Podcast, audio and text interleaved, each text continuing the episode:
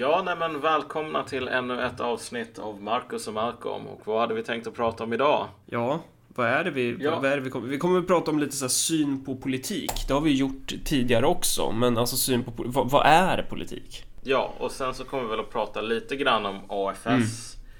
Ehm, därför att Ja, dels var ju någonting som vi eh, sagt att vi skulle göra som en del av den här eftervalsanalysen.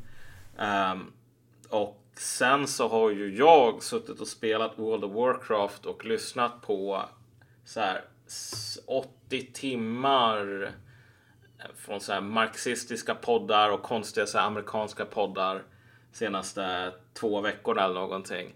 Så eh, hela den här grejen med det som du nämnde, det här med vad fan politik är. Det har legat och skramlat i huvudet på mig ett tag nu. Um, både från vänstern och högern. Ehm, men vi kan ju börja med en av de här iakttagelserna angående AFS och valresultatet, vilket var att de fick väl en 28 000 röster eller någonting sådant. Ja, jag, ja, jag vet inte exakt hur många röster det blev, men det blev ju inte så många som jag trodde att de hade väntat sig och som jag trodde att de skulle få. Jag trodde att det skulle gå ganska bra för AFS, så jag är faktiskt väldigt förvånad. Jag måste erkänna att jag hade jävligt fel. Ja, nej men precis. Och det är så här. Saken, saken med AFS var väl på något plan att mätningarna rörde ju sig aldrig. Men, men de hade ju någon sorts kulturellt momentum på sin sida här. Någon sorts, eh, i alla fall i synen på dem. Men det var ju just för att de var så närvarande i, i media och på sociala medier då främst. Och det här var ju valet på många plan där man, man verkligen tänkte att det här skulle spela en väldigt stor roll. Det var massor med artiklar om du vet SD är större än alla andra partier tillsammans, bla bla bla sådär. Och att det här skulle vara verkligen avgörande. Och det visar sig att, att investera pengar i klick på sociala medier är extremt, det, det har vi talat om lite redan innan tidigare. Men det, det, det funkar inte mer eller mindre. AFS körde ju det här till 100%. De hade ju inte så mycket av ett ground game eller vad man nu ska kalla det. Ehm, så... Det ska ju också sägas att vi, vi ska ju akta oss för att sitta och vara tvärsäkra i det här avsnittet. eh, För, för jag känner i alla fall, jag har inte... Jag skulle vilja veta mer om hur AFS jobbar och sådär men... För jag, jag tänkte mig att ja, men de lär ju ha en organisation som kan bedriva någon form av basarbete. Eh, Men det verkar ju vara ganska ihåligt typ. Att det är så här, att vara stor på Twitter är ju inte att vara stor i verkligheten. Nej men alltså vad vi såg. Och på den, där var det en väldigt hög nivå. Men vi såg massor med olika aktioner. Vi såg den här turnén. Mm. Ehm, och vi såg när de stod med en ganska stor stab som de hade skickat till Almedalen. Mm. Med ehm, de här pikétröjorna som det stod återvandringsverket på och så vidare. Dela ut de här broschyrerna. Ehm, när det gäller såna här jippon eller vad man nu ska kalla det, aktioner. Extremt välproducerat, antagligen väldigt dyrt också. Att föra över, att få över så många aktivister till, till Almedalen är dyrt. Trycka upp tröjor kostar pengar. Trycka upp alla de här bladen och få någon som designar dem, det är också någonting som kostar pengar. Eh, valsedlarna kostar ju mer än en halv miljon kronor bara de. Så m- man hade, man hade ju uppenbarligen finansiärer med ganska djupa fickor. Men som sagt, det här var ett parti som verkligen var på toppen. Men samlar de inte in typ en miljon eller något sånt där? Ja, ja, men alltså bara röstsedlarna gick ju på 600 000. Gick det på så jävla mycket? Hur många röstsedlar köpte Ja. de? 10 miljoner. Fy fan. Sjukt.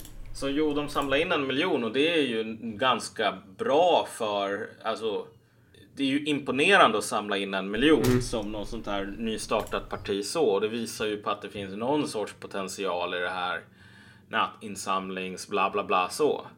Men eh, det är ju när man skulle lägga de här pengarna och förvandla det till röster som någonting gick fel. Och jag tror att sossarna visade sig vara mindre svaga än vad man trodde att de skulle vara. Men det var ju för att den här sista veckan när de började återhämta sig. Det var ju då de rullade ut det här tunga artilleriet med hyresgästföreningar och allt det där. Uh, och det var ju... Jag var faktiskt med Stig-Björn Ljunggren på någon sån här frukost för typ reklam reklamare i, i Uppsala. Um, och då var vi väl båda överens om att kolla, det här med reklam och messaging och sociala medier och så vidare. Vi övervärderade konstant vikten av det mm. i, i det här valet. Uh, och de som var, visst det fanns partier som var svaga där. Men sen så fanns det partier som var starka på det här traditionella. Och där var ju S och KD som det gick väldigt bra för. Ganska starka. Mm. KD höll man ju på massor med turnéer och Adaktusson var ute och jobbade väldigt hårt så vitt jag vet också. Men, men som sagt, detta om AFS egentligen. Så här, att det här var ju det partiet som, som, som blev den här stora skrällen och inte på ett bra sätt. Eh, sen gällande nummer här. På val.se står det att de fick 20 290 röster i riket. AFS. Okay. Eh, jag trodde de fick 28. Ja, det är ju ännu sämre. De kanske fick mer. Men eh, sen så är det också det här med valsedlar. Alltså, det måste vara jävligt dyra valsedlar om det kostar så mycket pengar. Men poängen är väl, även om det kanske inte är exakta summan då, eh, att de, de hade mycket pengar att spendera i alla fall. Ja, precis. Ehm, så att, så att det, det, är den första, det, det är det ena liksom. De, de verkar ha ganska mycket pengar och de har jobbat jävligt hårt i sociala medier och varit ja. dominerande på Twitter typ. Alltså de måste ju, om man inte ska hålla på och blanda in det här med du vet ryska Putin, bla bla bla ja. sådär. Uh, alltså det kan säkert ha varit möjligt att de har fått genom mellanhänder pengar från Ryssland. Men jag menar, ryssarna börjar ju ge pengar till lite vem som helst nu. Mm -hmm. Så det är ju inte extremt svårt så. Det är ju precis som CIA gjorde en gång i tiden och egentligen fortfarande gör om du tänker igenom så här Freedom House och liknande. Så visst, det kan finnas sådana pengar, men de hade antagligen också någon sån här rik snubbe som donerar en hel del. Så det är väl, det är en kombo i alla fall av pengar uppifrån och pengar nedifrån. Och antal, summan pengar uppifrån är nog större än den nedifrån. Men de har i alla fall haft båda. Men det intressanta här egentligen är ju varför man varför man gav sig in på det här projektet så som man gjorde. Mm. Varför man valde den här topptunga eller liksom bygga den här pyramiden från toppen och nedåt. Och jag menar, min, min syn på det här är väl att AFS är väldigt intressanta som parti just för att de illustrerar en sorts, vad ska man säga, det, det är ett extremt modernt parti i bemärkelsen att de representerar en ideologi eller en riktning eller en syn på politiken som vi sa tidigare. Mm. Som verkligen är av vår tid. Um, och det finns liknande, liknande grejer på vänstern. Men, det, men man, man bör nog säga så här att den här identitära rörelsen som man är en del av. Som man har haft kopplingar till sen man fortfarande var SDU. Den utgör ju en del av högern, en del av alt-högern egentligen Det är väl det som de buntas in i idag. De har funnits innan den termen liksom blev populär. Men så här, de här människorna ligger runt om i Europa i olika former av konflikter med partier som SD till exempel. Och konflikten brukar alltid handla om det här med att å ena sidan så har vi det här partiet som driver någon sorts ja, men radikala kampanjer och det är väldigt mycket det här med Gramsci och metapolitik och så vidare. Och sen å andra sidan så har vi ju de här tråkiga fake-sossarna. Ja, det är SD, SD-ekvivalenten då. Ja, precis. Jag menar, jag var ute på pool någon gång och så såg man massor med amerikaner som bara började starta trådar om Marine Le Pen. Och man ser ju nationsflaggor, alltså vilken IP-adress mm. som människor har där. så här, alla amerikaner så bara fuck yeah, it's her time, make France great again. Och så fort det kommer in någon med en sån här fransk flagga så säger de uh, sorry, Marine Le Pen, jävla sosse. Så här. Jag tycker inte om Le Pen. Och det, det, det är ungefär som att försöka få folk engagerade över SD på Flashback. Det bästa folk kan säga där, eller många i alla fall, det är ju så här ja men de är, de är för oss vad sossarna är för vänstern. Men man måste koppla det här till egentligen eh, vilken syn på politik man faktiskt har. Mm. Alltså vad handlar den om? Du kan väl ta det där exempel, du, du träffar ju någon eh, trevlig prick där på Heimdal. Ja, jo men precis. Jo, jo men det kan jag ta. Mm. Och, och risken blir väl att det är så här. Att man generaliserar och det inte alls är representativt Ja, för. AFS. Men- Men, men- Jag träffade en person från, som var nå, inte så här superaktiv i AFS, men var väl någon form av hangaround som kom och hjälpte till lite grann. Och det här är sent på kvällen, sitter där och dricker öl och så frågar han om jag är Malcolm Schune för, för så här. Han känner till mig på grund av memes. Jag är verkligen på den nivån. Um, Okej, och så säger jag ja, det är det. Och så börjar vi snacka lite grann och han är ju, han tycker så här, ja vet du vad, jag tycker inte nå, jag håller inte med om någonting men så här, du är ändå lite rolig. Jag bara, ja okej, tack för det. Och- sen så innan det tar så himla lång tid så börjar den här personen gå in på eh, judarna. okej. Och, och då är det så här att du vet, ja men judisk makt, det är så här judarnas olika knep i Europas historia för att kunna liksom smälta in bland den här värdbefolkningen och styra den och så vidare. Och jag bara, ja okej, it's this time of the month. Men jag tycker ändå att det är lite så här, det, det är lite intressant att höra på det här eh, och det är lite lärorikt. Inte om du vet judarnas olika liksom, kontroll utan bara så här, vad är det för jävla människa som sitter här? Och det som jag säger är ju så här att okej, vet du vad? Jag, jag bryr mig inte så jävla mycket om det här, dina jävla judeteorier om jag ska vara helt ärlig. Men Eh, och vi står inte alls på samma sida politiskt. Men alltså som någon som står på någon sorts sida politiskt. En sak som jag märkt under när du har hållit på och pratat. Det är så här. Det här är inte en politisk fråga du tar upp. Det här handlar ju inte om politik. Jag menar, sett till eh, så här, hur många judar som det finns i Sverige och vilken relation de har till majoritetsbefolkningen. Det är ingen svensk utanför extremt nischade miljöer som ertappar ett problem, jag vet inte vad, toaletten, eh, liksom stopp i avloppet. Eller det är för dyrt bröd eller något sånt och bara säger attans, fan att jag har det här problemet. Det är judarnas fel. Eller jag undrar vad det här har för relation till de judar som bor i Sverige. Jag menar, det finns inte ens på radarn säger jag. Och man märker hur den här killen, han blir liksom så här lite frustrerad över hur jävla dum i huvudet jag är som påpekar det här.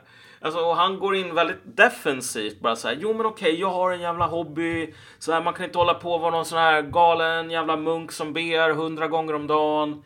Alltså lämna mig i fred, vadå? Vissa människor gillar att hålla på och knyppla, jag håller på och pratar om judisk makt. Liksom, vad what's the big deal? Och det där för mig, det, det är som ett ljus som går upp. Okej, men det här är en person som inte håller på med politik överhuvudtaget. Alltså visst, det är ett projekt här. Det är ju någonting han gör tillsammans med andra som kallar sig själv politiskt. Men min poäng det här med att ja, men, så som jag förstår politiken så utgår man ifrån vad andra människor tycker är viktigt. Om andra människor säger uh, jag vill ha billigare parkering. Då talar man om billigare parkering. Om andra människor säger jag vill ha typ liksom, lösning på den judiska infiltrationen. Då kan man prata om det. Men om ingen pratar om det här och du håller på och pratar om det. Då, blir jag, då håller du inte, du gör inte politik. Det är inte så att du är dålig på politik, utan du håller inte ens på med det. Ja, men det blir som den här vänsterns... Eh, det personliga politiskt. Och det fanns ju, det fanns ju en Ja. faktisk innebörd av det en gång i tiden. Att, att det, det personliga är ju politiskt i den meningen hur man fördelar arbetet hemmet och sådär. Alltså det, det finns en politisk aspekt i det. Eh, men att göra, att, att göra det personliga... Hur ska man säga? Att göra politiken personlig är ju något, något annat. Att göra politiken... Det här är min hobby. Därför ska du bry dig om det. Det är ju något helt annat. Ja, men exakt. Alltså, och det här är ju någonting som man bara har sett i språket. Ja. I hur många människor som säger såna här grejer, ja men på vänsterkanten till exempel, som min kamp. Mm. Mm. Okej, och då när du talar om din kamp, då är det verkligen det du menar. Mm. Alltså, inte så här det du gjorde på det här lilla frontavsnittet. Jag vet inte, bara runt på eh, ammunition till ett maskingevär och det var din insats. Utan kamp är individens strävan efter att typ förkroppsliga sig själv ute i världen. Mm. Nej, men det här är någonting som jag tycker har varit påfallande med med den identitära rörelsen Mm. som sådan. Ja, han, han är ju inte ensam heller. Nej, nej men precis. Jag skulle väl säga så här att den här kufigheten som är ertappad och liksom människor som bara håller på och sitter och snackar i ett rum, möblerat sådant, massor med andra människor om typ hans teorier om judisk infiltration och vilka metoder de använder. Alltså det är ju en person som har problem med grav social missanpassning, eller vad man nu ska kalla det. Ja, men du har ju den här andra, Martin Hagvall också. Han som satte upp något Ja. klistermärke som det stod om. Och satt och snackade om... Eh, ja, det var väl judenäsor eller vad fan det var. Vad, vad det nu handlade om. Att, att det är liksom... Det är en riksdagskandidat eh, som typ hamnar i en beef med någon brud på tunnelbanan. Ba, bara, bara den grejen, att så här, välja sina strider. Det där är viktigt liksom. Att det, Ja, det, jo, det, men alltså- det är så viktigt det där med att... Vem fan sätter ens upp klistermärken? Ja, för det första var de där näsorna för små så det såg skitdumt ut. Liksom. De kommunicerade inte ens någon, någon, någon sån här enkel visuell poäng. Men om du hade ställt den här snubben mot, vä- mot, mot väggen så skulle han säga så här. Då skulle han säga så här, försöker du inleda en dialog med mig nu? Skulle han säga. Nej men alltså han skulle säga fucking lämna mig i fred Marcus Allard. Ja. Hallå, vissa av oss. Det här är en jävla hobby, okej? Jag måste få ha lite kul. Mm. Kom inte här Marcus Allard och bara säg det här hjälper inte. Okej, det kanske inte hjälper. Det kanske inte var så jävla genomtänkt. Men vad fan är poängen med någonting om man inte ens får ha lite roligt? Mm. Men alltså, AFS har ju vissa likheter med typ... Det är ungefär som om Allt åt alla skulle bilda ett parti. Fast, fast med en, en viss annan estetik, typ. Att det, det, det är samma sätt att man ser på politiken. Det, det ska vara aktioner, det ska vara så här jippon. Man, man kan vara stor på Twitter, man kan sprida klistermärken. Det är kampen. Och sen så, och sen så det, det faktiska politiska innehållet, den faktiska politiska strategin. Den är lite mer så här som frågetecknen hos Underpants Gnomes. Man vet inte riktigt, jaha, hur, hur når vi makt då? Jo men exakt. Och det är också så här att det här frågetextstadiet är väl på något plan så här. Vad händer när jag har liksom fullbordat mig själv? Ja. Jag kommer ihåg att någon person som jag hamnade bredvid i något sammanhang som använde det här minikamp. Det var ju en kvinna som slogs för du vet, ett jämlikt samhälle genom, där man skulle kunna få visa brösten. Okej. Typ gå runt topless för att det här var patriarkalt Ja. förtryck. Och jag bara tänker så här, okej hon talar om sin kamp Mm. och bla bla bla och alla de här grejerna som turerna hon har varit med om. Och bara så här, okej, när du får gå runt topless. Så här, vad är steget mellan det och någon sån här fullbordan av ett politiskt projekt? Jag menar okej, du kommer att kunna gå runt topless och kunna skriva någon jävla inlägg på Tumblr om hur mycket du har varit med om för att gå runt topless. Men jag ser inte riktigt vart det här leder till ett kollektivt projekt för en ändring av samhällets så här. Ja, någonting som är utanför dig själv. Mm. Och det är just det som är det intressanta att alltså för de här människorna, om man verkligen gräver så är det, det finns, okej det finns ett sånt här steg tre som är profit. För att det måste finnas det, för att alltså, det, det har man läst i en bok att det, politik handlar om det här. Men, men den enda energin som man lägger ner på det är det här första steget, vilket är låt mig få vara mig. Och identitärerna på något plan. Jag menar, eh, någon som Richard Spencer har ju varit så otroligt mallig på något plan. Eh, då och då över så här, ja men vänstern gör jobbet åt oss, for, formar möjligheterna för att bedriva en vit identitetspolitik. Och det stämmer ju till 100%. Problemet är ju bara att vad han aldrig riktigt verkar ha frågat sig det är väl om den vita identitetspolitiken kan vara mer politisk än vänsterns identitetspolitik. För vänsterns identitetspolitik är ju inte politisk. Nej, de, åker... Nej men verkligen. Ehm, det är ju de här politiska konventen som är... För det, för det verkar ju det vara mycket om inom alt-right också. Att det är så här... eh, Ja, men man ska åka på konferenser och man ska träffas och det är... Daniel Friberg, vad gör han? Han går runt i kostym, åker på konferenser och håller på med memes. Att det är typ som... Att de här konferenserna, du sa ju det, att det... Vad är egentligen skillnaden på en sån här politisk konferens och ett Star Wars-konvent? Nej men precis. Att det är typ, menar, det är typ ett Star Wars-konvent för personer som har en politik, alltså som en politisk hobby. Ja. Eh, och då får man, egentligen sk- skulle man ju behöva bryta ner ordet politik i en massa innebörder, men politik i bemärkelsen eh, vad man... Ja, det är identitet. Det är ju inte typ så här politik i bemärkelsen så här, så här sköter du en nämnd. Ja, exakt. Jag menar om du skulle åka på något sånt här konvent. Ja. eller på något sånt där möte. Då skulle det ju vara i, alltid i relation till ja men ÖP då. Kanske främst. Så här, ja men hur, hur, hur lär man sig att sitta i nämnd? Ja. Hur gör man det här? Hur kan man bli bättre? Hur kan partiet bli starkare här? Det är ju inte direkt som att man inte får såna här inbjudningar till olika konferenser, typ, som, som, ÖP, som vissa får för sig att ÖP skulle kunna platsa på. Men vi skiter ju där, för vi förstår ju inte riktigt vad... Varför ska vi lägga tid på saker som vi inte ser att vi direkt kan tjäna på? Men hade man sett på politik som mer ett uttryck för ens identitet och ens hobby, då är det här nästan ett...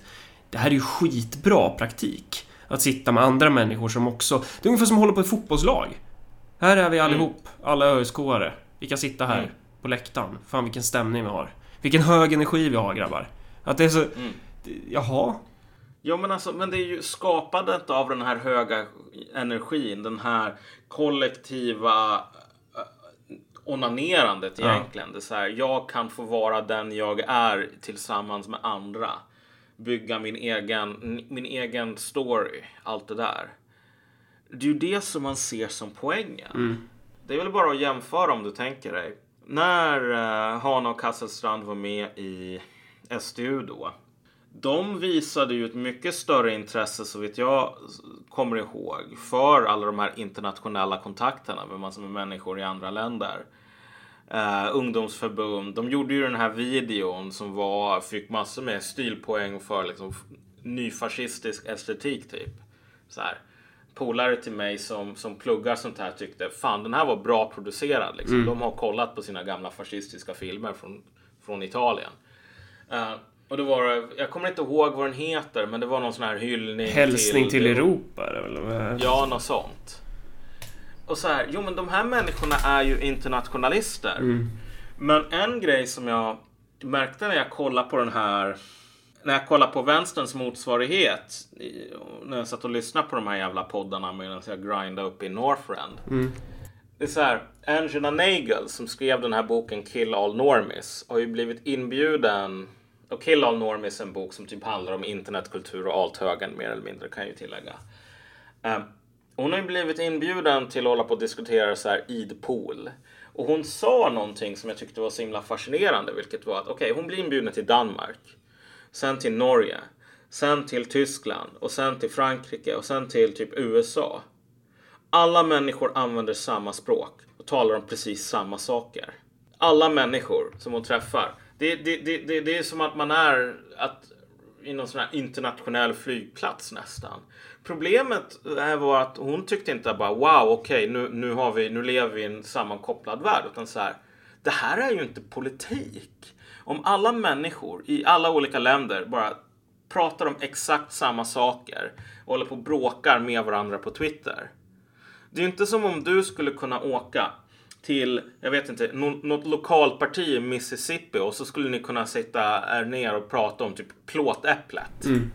Det finns inte på kartan. För att plåtäpplet är så här tråkig lokal politik. Och politik är, måste vara lokal i någon bemärkelse. Det måste vara specifik till en viss tid och plats. Och när, när du har en sån här diskurs som är totalt, ehm, vad ska man säga, oberoende av så här, ja men så här ser det ut i Sverige, så här ser det ut i Norge. Utan det är liksom bara fritt flygande idéer. Då är det för att det inte finns något politiskt projekt, hantverk, verkstad överhuvudtaget. Så det var ju det som hon kommenterade på att när hon åker så här internationellt. Då är det jätteenkelt för människor att prata om med varandra. Och, sa- och samtidigt så ser vi med SD versus SDU och senare AFS. SD har ett mycket mindre intresse för den här sortens internationella samarbeten. De har varit mycket mindre aktiva där än vad Hana och Hasselstrand ungdomsförbundet var.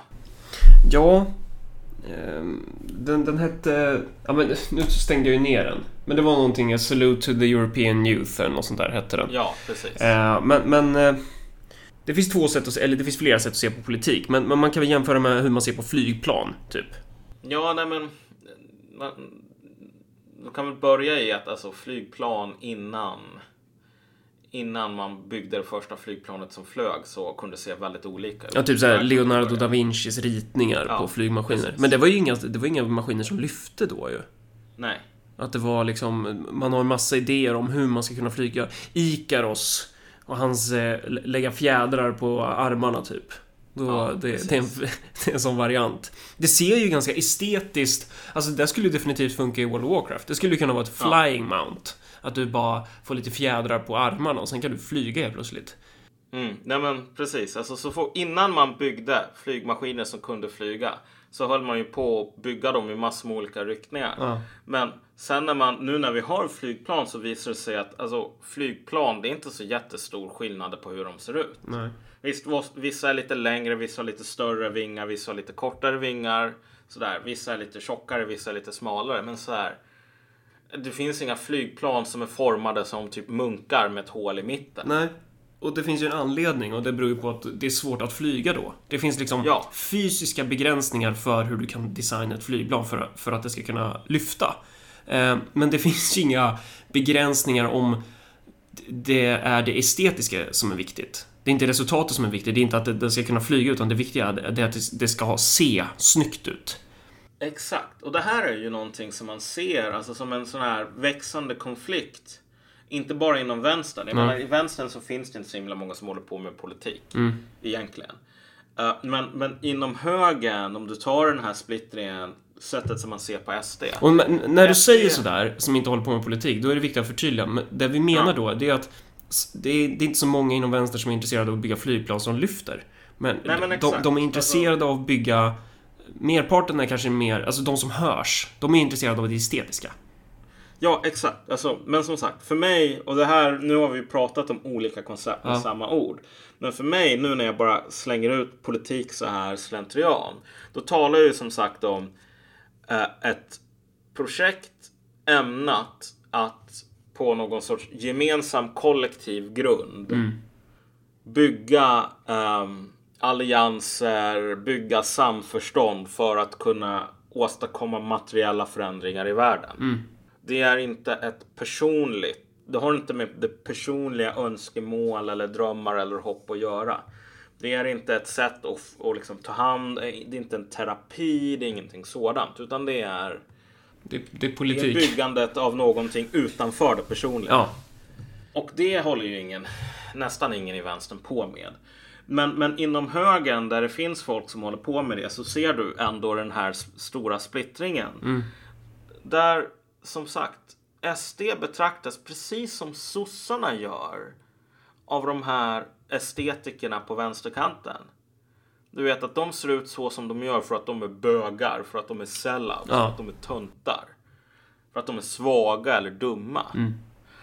Det finns ett enormt förakt mellan, alltså det här glömmer man ju ofta i, i den här Twitter-mobben. Enormt förakt mellan de, de som är kompetenta som sitter någonstans i SD och deras avhoppare och folk som aldrig var med i SD som är du vet den här sortens alt-right typer.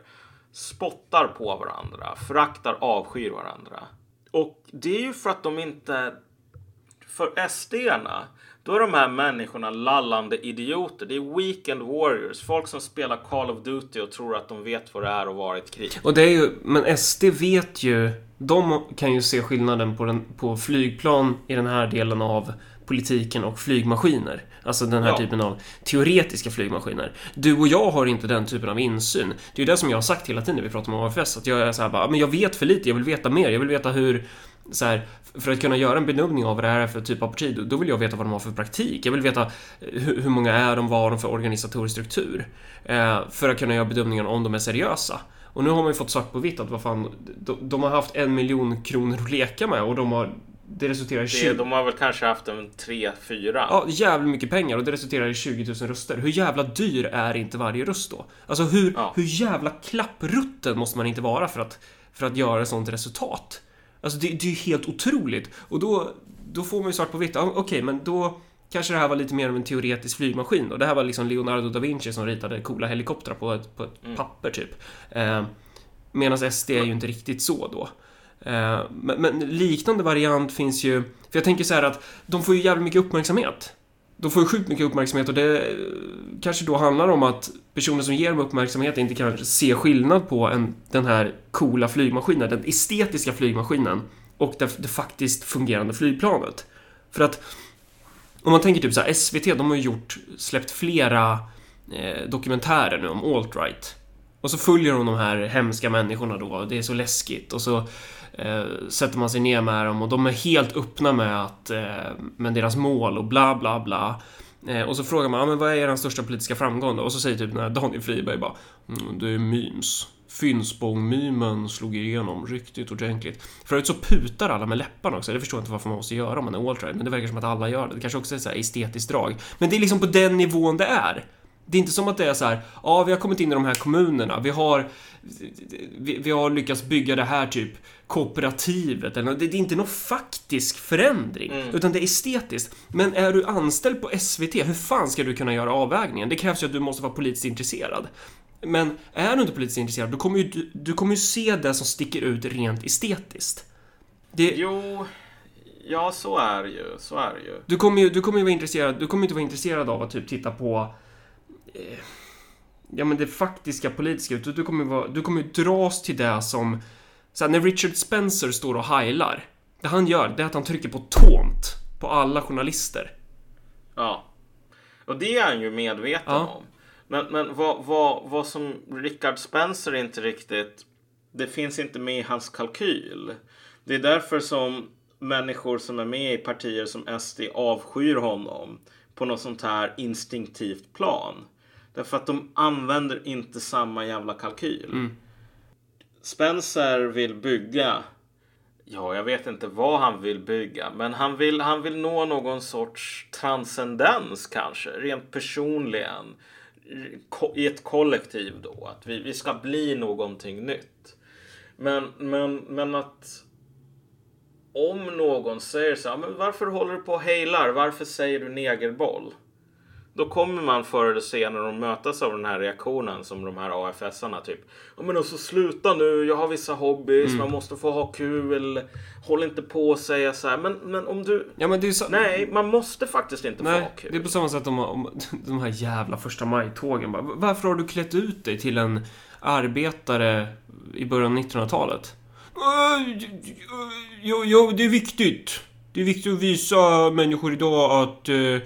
Jag vet inte ens vad man... Vad, jag kan inte ens själv komma på någon grej. Man är en clown. Ja, men alltså, Det är ett Star Wars-konvent. Det är där det är. De människorna kommer också, även om du kan lansera ett argument som är så här. Ja. Att det, det sättet som du håller på och turnera runt på första maj. Mm. Ge folk bara ett intryck av att du är en insulär sekt. Då kommer de säga, men ja, men ja, det kanske, du kanske har rätt, men alltså lämna mig i fred. Man måste få ha lite intressen. Måste få ha lite kul. Och då, och, eller så Ja. säger de kanske så här, ja men det är den borgerliga hegemonin som, som ligger som ett gift i ditt huvud. Fast det är ju egentligen samma innebörd då. Kolla jag, kolla, jag är här för att säga nej, man måste faktiskt inte få ha lite kul. Man måste inte det. Jag vet att det är jättehemskt att höra i, i den tiden vi lever i nu. Late capitalism, där det verkligen är bejakandet av alla impulser och så här. Men man måste inte få ha lite kul. Jag kan ta ett extremt bra exempel på att visa hur lite kul man faktiskt får ha inom politiken. Och det är inom Sverigedemokraterna. Eh, ett av de här läckta mejlen var ju typ Björn Söder som sa något sånt här. ehm, för det här var liksom angående ordet negerboll om man fick använda det tror jag. Och Björn Söder skriver något i stil med liksom om jag- om man inte ens får se negerboll i det här partiet, vad fan har kampen handlat om då? Och det är bara så här. Jag kan, jag kan förstå, jag kan sympatisera med honom. Så här. Jag menar, vad fan. Om man inte ens, vad, vad är det för jävla fascism och inte ens få säga negerboll på något plan? Min farsa älskade att gå, gå och beställa det och bara trigga folk. Dem extremt osäkra så här. Han, han skulle tycka att det här Sverige där man inte får säga negerboll är ett mycket sämre Sverige. Ja. Men poängen är bara så här att kolla. Antagligen så har ingen annan i SDs partiledning gjort den här avvägningen. Att så här, på ett principiellt plan så får man inte säga negerboll för det strider mot värdegrunden. Bla bla bla sådär. De bryr sig inte. Utan det är bara att det här är att sätta dina personliga intressen, di- ditt behov av att citat ha kul, slutcitat, före det kollektiva politiska projektet. Sorry, om du vill sätta dina personliga bevekelsegrunder, liksom, din dröm om att få vara dig själv framför ett kollektivt projekt som inte bryr sig om vad som pågår innanför ditt pannben egentligen. Då är inte det här rätt plats att vara för dig. Och jag menar, sorry, det där är den attityden som man måste ha i ett politiskt projekt. Ja. Det betyder inte att alla ska sitta och, eh, vad ska man säga, sitta och vara jättetråkiga. Och ironiskt nog, vänstern är ju en extremt bra illustration av det därför att där får man typ inte ha kul. Man får inte äta kött, man får inte dricka sprit. Man får inte skämta, man får inte göra någonting så här. Ja, I vissa att- delar av vänstern, i andra delar av vänstern så är det jätteviktigt att äta kött och dricka sprit och Ja. lajva att du är en eh, proletär. Ja, just det ja. Jo, men precis. Men, men, men alltså du kan kombinera den här, alltså kul är förbjudet, punkt. Ja. Med den här, fortfarande den här synen på att jag ska bli det som jag är, vilket är en antifascistisk godtemplare typ. Mm. Men det är ju kul. Alltså, Att vara en antifascistisk godtemplare. Ja, fast det, det, det roliga där är att ingen ska få kul. Det är det som de här människorna njuter av. Det blir lite Men meta du fattar här. vad jag menar? Ja, jag fattar. Mm. Alltså att det, det Visst, vi är alla människor etc, etc, etc. Men så här, politiken handlar inte om att jag måste få utlopp för mina jävla behov hela tiden. Alltså det, dina behov är inte intressanta än som något sorts aggregat. Okej, om dina behov motsvarar alla andras behov, okej fine, då är det här vad projektet handlar om att lösa. Men du kan inte hålla på och lägga dina behov ovanför. Nej. Så här, om det skadar att säga negerboll, ja men skärp dig. Du får säga negerboll när ingen hör. That's it. Det, ja, det handlar ju lite om så här, en konflikt i grundinställningen. Ja, då är ju de här på ja, men, identitärer, alt-right och liknande som säger ja men du SD, de är töntar, de är sellouts. Så här. Fast SD, tyvärr, angående negerbollfrågan. SD bygger det enda planet som man kan bygga för att det ska ha aerodynamiska egenskaper och kunna lyfta.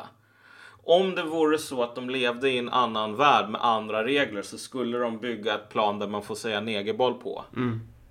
Och Men, men det, det viktiga är att det ska kunna flyga det här. Och det är väl det som blir då, alltså vilken typ av praktik är det som är förenlig med grundinställningen? För har du en grundinställning som är såhär, jag går in i det här för jag vill ha kul eller jag vill, det, det handlar om mig.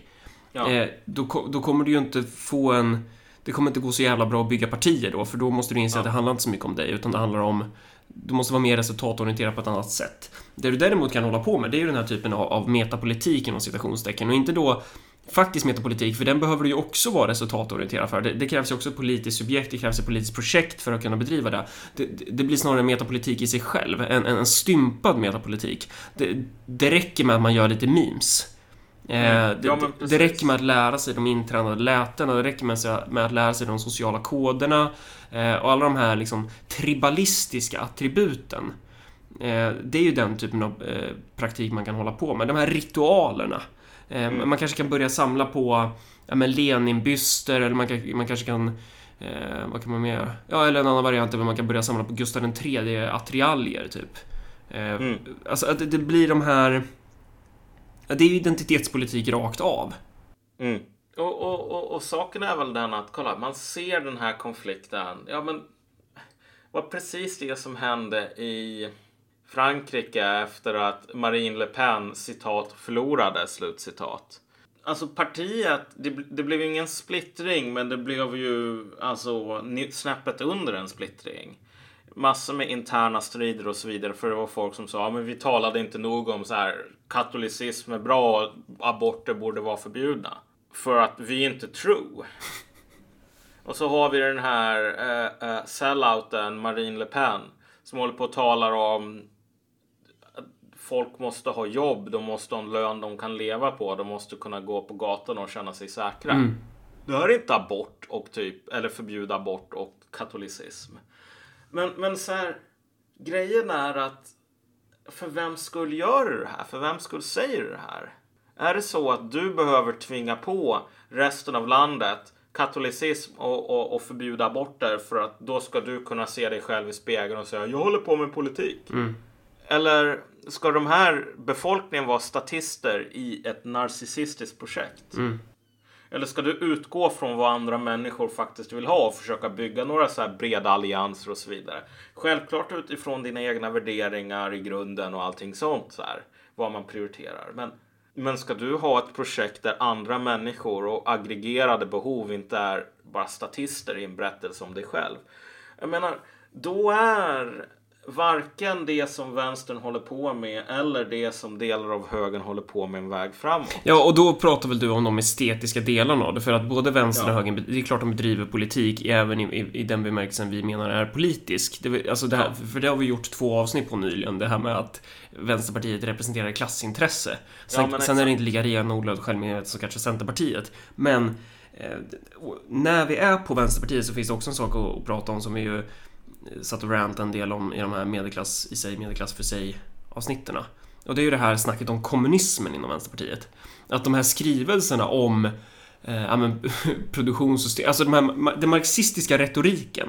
Alltså är du en utomstående person som inte är intresserad av att eh, förstå marxismen själv eh, och att, att liksom förstå hur den är tillämpbar politiskt, då kommer inte du se, se en skillnad på den här teoretiska flygmaskinen och den faktiska eh, flygmaskinen som kan lyfta.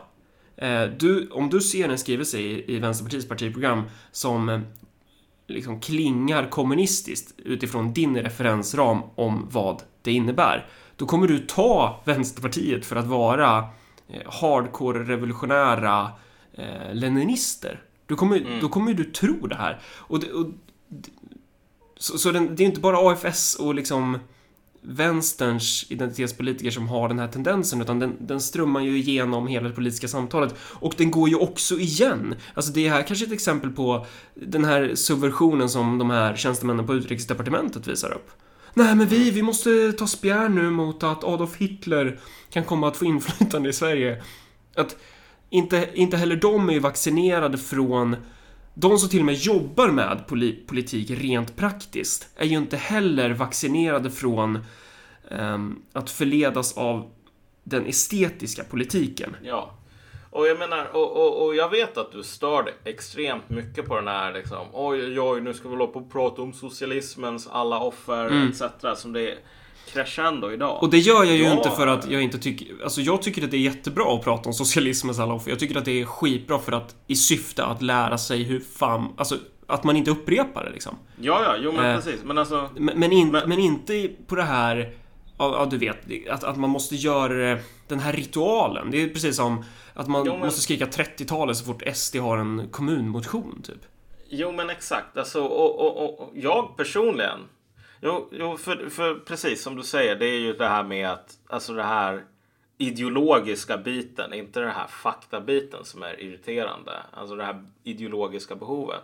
Men så här, personligen, alltså jag rycker på axlarna åt det där om jag ska vara 100% ärlig. Jag ser inte vad problemet är att folk håller på och alltså gastar om att det här är någon sorts Moskva-infiltratör som, som är, vad är andra vice talman nu. Och jag tycker inte att det är ett problem av två anledningar. För det första, det här är det här snacket hela tiden om socialismen, socialismen, socialismen. Den är på väg tillbaks. Vänsterpartiet har 8% istället för 6% Det här är um, tecken på en ideologisk kris hos högern. Därför att du vet, så fort en person eller så fort en rörelse hamnar i massor med problem som den inte kan lösa. Då brukar den fokusera på problem som den tror sig kunna lösa men som inte är problemet. Du vet som den här berättelsen om Eh, en man som har tappat nycklarna när det är mörkt ute. Och så håller han på och letar under en gatlykta. Och så kommer hans kompis förbi och frågar vad har hänt? Och så säger han jag har tappat nycklarna. Fortsätter han att leta tio minuter till, hittar de inte. Och så frågar kompisen men är det här du tappade nycklarna? För du verkar inte hitta dem. Ja. Och så säger han nej, jag tappade dem i den där mörka gränden där borta. Men det här är bara enda stället där det finns ljus. Mm. Det är precis så som högern beter sig idag, du vet så här. Är det här ert problem just nu? Är socialismen eller Vänsterpartiet det stora problemet som drabbar högern Mm. just nu? Nej, men det är det enda vi vet hur vi ska prata om. Liksom. Men det finns ändå ett stort... Det finns ett konkret politiskt problem med att hålla på och jaga spöken. Eh, och det är ju att den här jakten påverkar dina faktiska handlingar. Är, Ja, ja. Alltså, det är precis som att... ehm, det finns inte häxor. Men det kommer inte hindra folk från att starta häxprocesser och bränna oskyldiga människor på bål. Om man håller på och jagar efter nazismens eller liksom stalinismens eh, reinkarnationer typ. Ehm, då kommer man ju... Den här världsbilden kommer att flyta in i departement, som vi har sett. Den kommer flyta in i media, som vi har sett. Den kommer påverka nyhetsbevakning, vilket i sin tur påverkar kanske ideologin i stort, ideologiproduktionen i stort. Det påverkar utbildningen. Vad är det vi ska akta oss för? Eh, det, det, det, påverkar, det påverkar Säpo. Jag tror fan inte de är...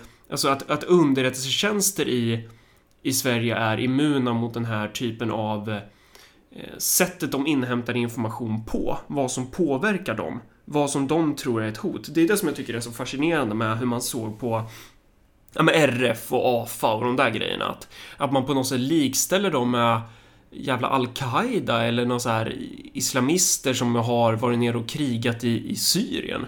Alltså, Fast, fast här måste jag faktiskt stoppa dig. Jag menar, kolla. Skulle Annie Lööf Mm. ha åkt på turné med Jonas Sjöstedt och bara liksom säga ja men vi kommer så himla bra överens trots att han är du vet hemsk socialist. Om det här var människor som på allvar trodde alltså på den, den vad ska man säga, den, den bokstavliga innebörden i de orden de använder. Mitt svar här är väl nej. Alltså, men det är ju Annie Lööf. Alltså, det, jo, men det, det, är Annie Lööf. Men de här andra människorna är ungefär på samma sätt. Visst, de håller på och säger alla de här Mm. sakerna. Men alltså, som sagt.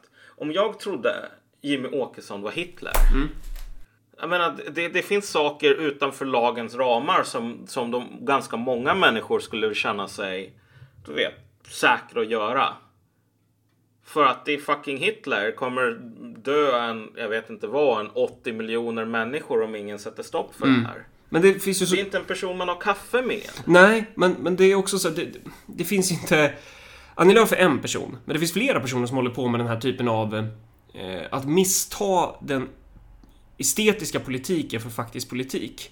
Eh, och det finns ett exempel på hur det här har påverkat Sverige och det är ju vår invandringspolitik. Vi har varit bakbundna, delvis på grund av att vi har trott att eh, faktiskt politiska förslag i själva verket eh, vi ser på faktiska politiska förslag utifrån estetisk-politiska ögon.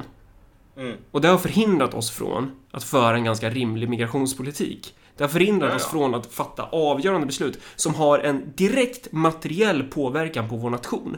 Eh, Så att det, det, det är inte ofarligt att jaga spöken, det är min poäng. Sen finns det ju grader i helvetet. Självklart tror inte Annie Lööf att Jonas Sjöstedt ska sätta Annie Lööf i Gulag. Då hade hon ju inte varit så jävla fond av att åka runt och, och turnera om honom. Utan de är medvetna om att de konkurrerar om ungefär samma typ av väljare och de kommer dra det till sina event typ, eller något sånt där. Det, det finns något sånt. Att de är Ja men de är ändå liksom Det är olika former av hundraser som luktar varandra i arslet eller något sånt där och, och försöker Mm. identifiera vad men, men, men det är inte Men däremot så kan det få långtgående konsekvenser om man börjar internalisera den här typen av världsbild. Om man, att eh, eh, att missta det estetiska från det politiska. Det, det är AFS är inte farliga. Det farliga är SVT.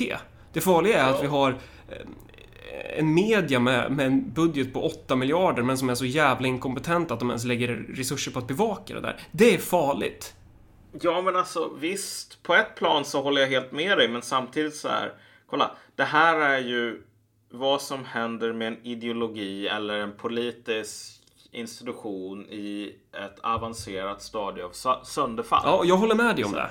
Men, men... Så att, så att alltså, jag ser inte riktigt vad vädjan består i av liksom att, alltså, att de här ideologierna inte borde falla sönder eller att vi borde förhindra dem från att göra det. Alltså det här, det här är en del av processen Mm. för dem. Och bara vända sig om och slå mot, ja men du vet.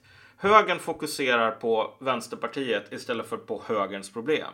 Det är ingenting som varken du eller jag kan göra någonting åt. Och även om vi kunde det så är jag osäker på om vi skulle vilja hjälpa högern må så bra så att den inte behövde hålla på vara Ja, men, det, men då är det en diskussion om någonting annat. För att jag håller med om att självklart är det här uttryck för desperation. Eh, på samma sätt som vi, vi själva fick vara med om det här, hur man såg på SD och SD blev en fetisch för att så man kunde glömma bort lite av ens egna misslyckanden inom vänstern. Eh, men det finns fortfarande en fara i att det blir samhälleligt eh, att den estetiska politiken misstas Ja, man misstar faktisk och estetisk politik. Eh, det, det finns faror i det.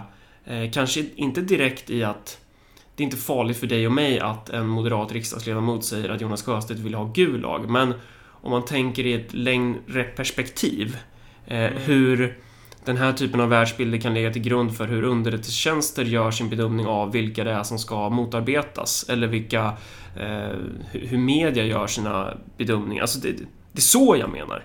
Jo, jo, det, Ja. men det förstår jag. Samtidigt så här har väl inte våran erfarenhet på sistone varit just... Jag menar, om jag ska tala för mig själv. Mm. Det verkar ju vara något fel i den här radan som folk ställer in. Liksom våglängden eller någonting för att upptäcka rödingar. Eh, För jag känner bara så här att okej, de här människorna får hålla på och jaga kommunister. Typ, och, och, och, om det bara pingar vid vänsterpartister. Men om jag bara flyter förbi. Alltså, då kommer vi in på det här nästan, det här fråga om typ kategorier. Ehm, men jag kommer inte att säga så här, nej men vet du vad, ni borde plocka mig, ni borde plocka mig, ni borde plocka mig. Utan, utan att de inte kan, så att säga, plocka oss i det här, du vet, ehm, kommunisterna. Mm. Ehm, det visar ju två saker egentligen. Det visar att för det första, det här ordet, det handlar, om, det handlar inte om ordet ens. Det handlar om någonting annat. Det handlar om en dålig känsla i maggropen.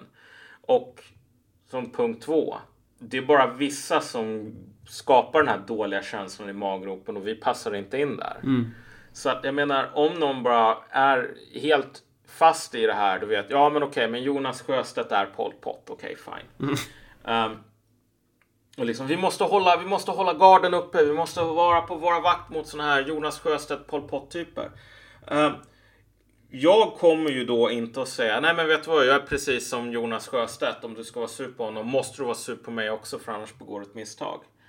Uh, det får väl bara vara att så här, lycka till med det kamrat. Så här, vi kan till och med jaga Pol Pot tillsammans. Men, men, men just nu lever vi i en tid där de här kategorierna håller på att förlora all mening. Vad fan betyder det ens att vara någon sån här galen socialist idag? Vad fan betyder det ens att vara höger idag? Mm. Jo, det, det stämmer. Visst är det så. Eh, men det kan också få effekten av att, jag menar, med risk för att vara närking, men ja, nu ja. Eh, det är klart att personer från vitt skilda politiska bakgrunder, just eftersom vi uppfattar politik så estetiskt, eh, tycker att, alltså håller med oss och tycker att vi har vettiga analyser och sådär. Eh, men man ska inte man ska inte underskatta faran i att jaga spöken. Eh, det, det skulle lika gärna kunna vara så här, analysen kring var, varför brakar Sverige samman? Ja, men det är på grund av socialismen. Okej, hur definierar vi socialismen? Ja, men det är att vi har eh, offentliga institutioner. Okej, lösning. Ja, men vi ska, vi ska riva sönder staten ännu mer. Att det är liksom, va- varför går det åt helvete i Venezuela? Är det är socialismen, punkt.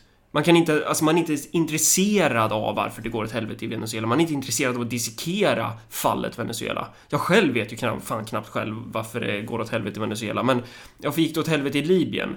Eh, Var det socialismens fel också? Att det, det, det, vad är det jag ska... Det jag efterlyser är väl på något sätt kanske lite mer en diskussion som handlar om att mm, försöka förstå de här grejerna istället för att bara kasta bajs på varandra. Alltså det, estetiska definitivt. konflikter kan man ju ha och estetiska konflikter kan vara jävligt våldsamma. Jag menar, sätt två eh, högstadie... Eller sätt några högstadieelever som gillar hiphop i, i samma rum som några högstadieelever som gillar hårdrock. Eh, de kanske börjar slå varandra. Mm. Eh, så. Ja men alltså de människorna, och det finns ganska många sådana idag. Mm. Som inte håller på med så att säga politik. För, för politikens fält just nu är så att allting, alla de här tidigare kategorierna håller på att gå i kras. För ett år sedan då hade vi en höger, nu har vi eh, en jävla hönsgård. Ehm, för ett år sedan så skulle folk tolka att det här resultatet som, ja men vet du vad, 60% av riksdagen är beredda att med förhandling rösta emot ett vänsteralternativ. Det är inte som om det är det som sker. Ehm, de här kategorierna håller på att kollapsa.